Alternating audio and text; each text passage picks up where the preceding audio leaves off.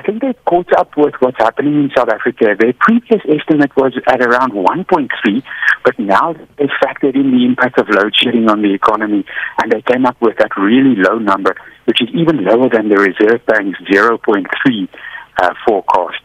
Yeah, I think uh, it's all going to depend on the extent to which the private sector can mitigate the impact of load shedding uh, through generators and solar as well. The problem with this, of course, uh, Professor, is uh, it's not new. South Africa has been struggling with economic growth for a very long time. Uh, we do, however, have a ballooning debt, sovereign debt as a nation, and uh, we have been borrowing a wholesale as well. So, surely that is something that we should be worried about looking at our debt to GDP ratio as a country.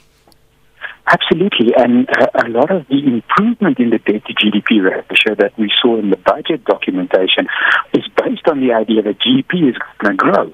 And so if, if we end up starting in terms of economic growth, that ratio worsens.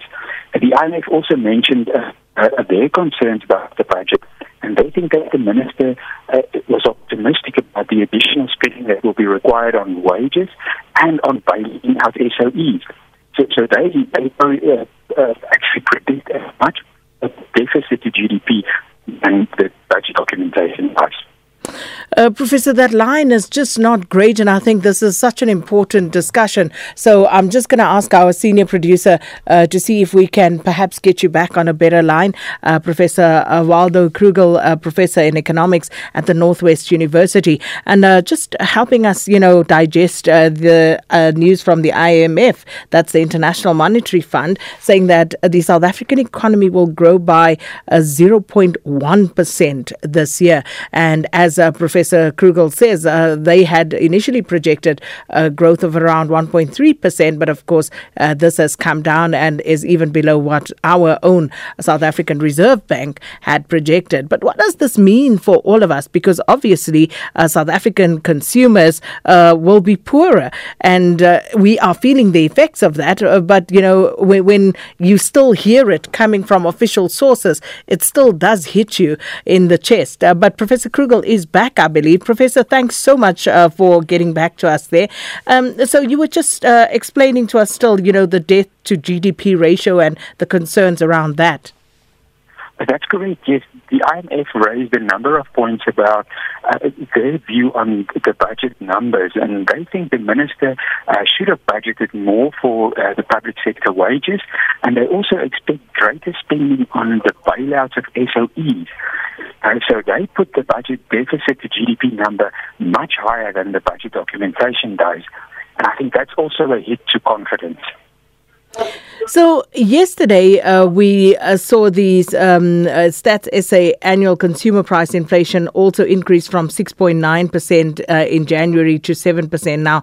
Inflation targeting by the SARB uh, that is also under pressure because you want to keep it that band that they have set is between 3 and 6 percent.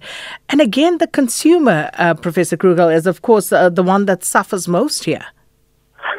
Correct. And, and the consumer's been struggling for the whole past year. I think the, the change that we saw yesterday wasn't that big, but it's in the wrong direction.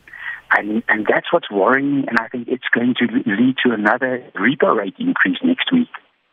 So, what do we do? What should government be doing, Professor? Yeah, and, and I feel I'm asking everybody this question, have been asking this question for so many years. Why are we incapable of kickstarting this economy. Why aren't we seeing the sort of uh, economic growth levels that we will need to actually move forward as a country? It's a big question, that one. I, I think uh, the IMF also recommends just faster progress with current plans, uh, not new plans. I think we we have a, a, surplus of good ideas on the table, but very slow implementation. Uh, something like the spectrum auctions took many more years than were necessary. Uh, opening up railways to third-party access is also important. It's been on the cards now for a while, and it seems like it's going to happen this year. But many of these these changes and reforms just happen too slowly to, to really uh, build up confidence and, and crowd in the private sector as well. And in the meantime, what do South Africans do, cash strapped South Africans who are barely keeping head above water? What can we do to soften that blow? it's really difficult. Uh, it, there's almost no way to get away from these higher food prices. Uh, the same with the high fuel price. Uh, and so we can say, oh, we have to tighten the belt just a little bit more.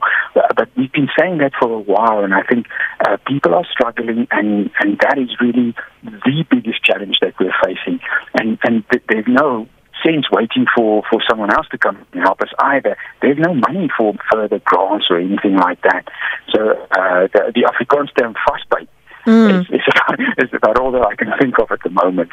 Ons kan nie meer vasbyt nie. We don't have any more belt to tie. So, you know, it, it's just a hopeless hopeless situation, professor, uh, because really if if you look around, uh, I think it also speaks to our leaders being completely out of touch with what is happening to the citizenry um, on the shop floor because you know uh, very often you look at how they live and you look at how we live and I think they are missing it and maybe they're not feeling it and therefore are not as desperate to do something about it as we need them to. What would be your thoughts on that?